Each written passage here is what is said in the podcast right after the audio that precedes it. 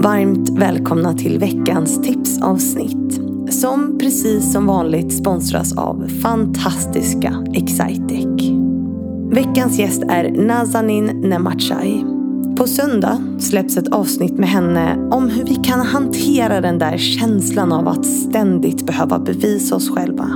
Hon har jobbat en del med de här sakerna hos sig själv och vi pratar en del om det i hennes avsnitt. Om att gå ifrån att bara ha ett bra självförtroende till att också ha en bra självkänsla. Vi pratar också om att äga sin egen tid.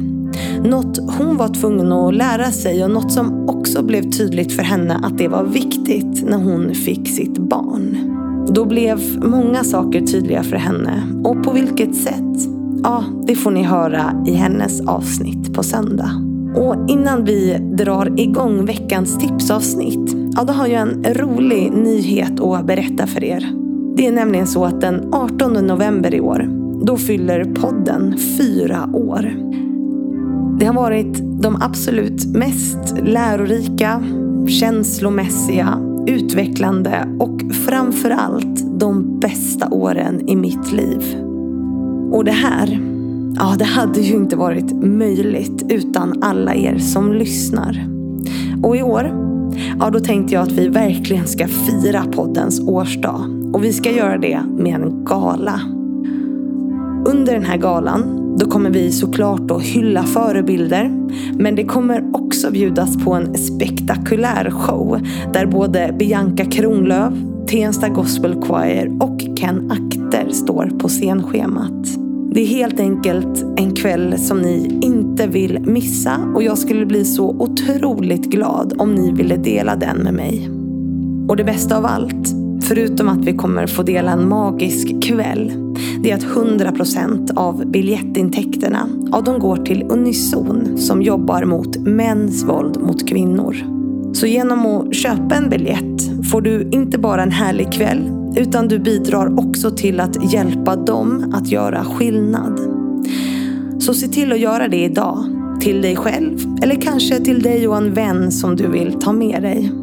Jag länkar till min hemsida via beskrivningen på det här avsnittet. Och där kan du faktiskt också nominera de förebilder som du tycker förtjänar att hyllas. Men som vanligt den här onsdagen så ska du få några tips och liksom ladda upp med så här mitt i veckan. Och Nazanin, ja hon ska tipsa om hur du kan lyckas utan att kompromissa med dig själv.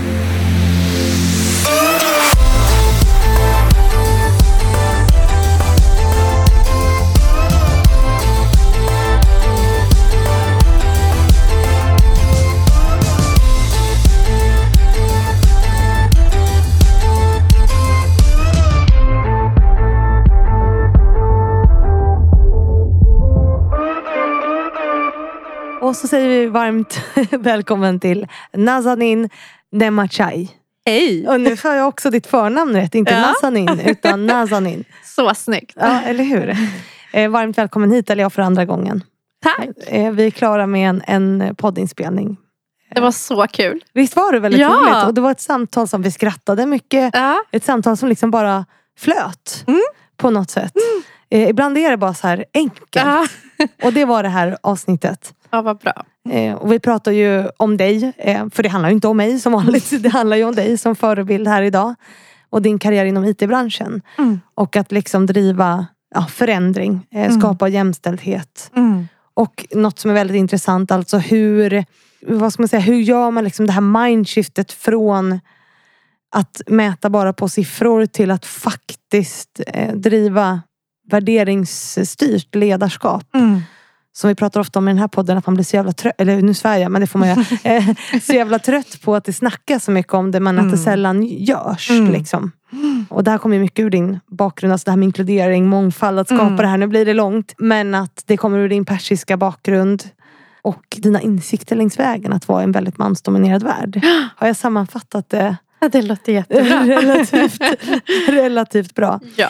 Eh, men det här är ju ditt tipsavsnitt. Mm. Så att folk ska bli liksom lite mer sugna på att lyssna nu på söndag när ditt Mm. avsnitt släpps. Mm. Och då sa vi att vi skulle döpa ditt till och att du ska få ge tips om hur man lyckas utan att kompromissa med sig själv. Mm.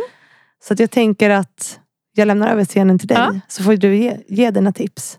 Jag tror att om jag skulle välja ut tre, fyra tips så skulle den första vara att snälla vara dig själv. Och varför jag säger det, det är så många gånger som man har bett mig att inte vara mig själv. Men jag har lyckats bäst när jag är mig själv i kåren. Mm.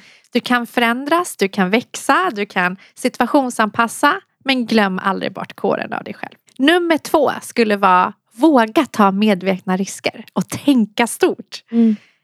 De största framgångsrika karriärsmoven jag har haft är när jag vågar göra det jag inte 100% klarar av.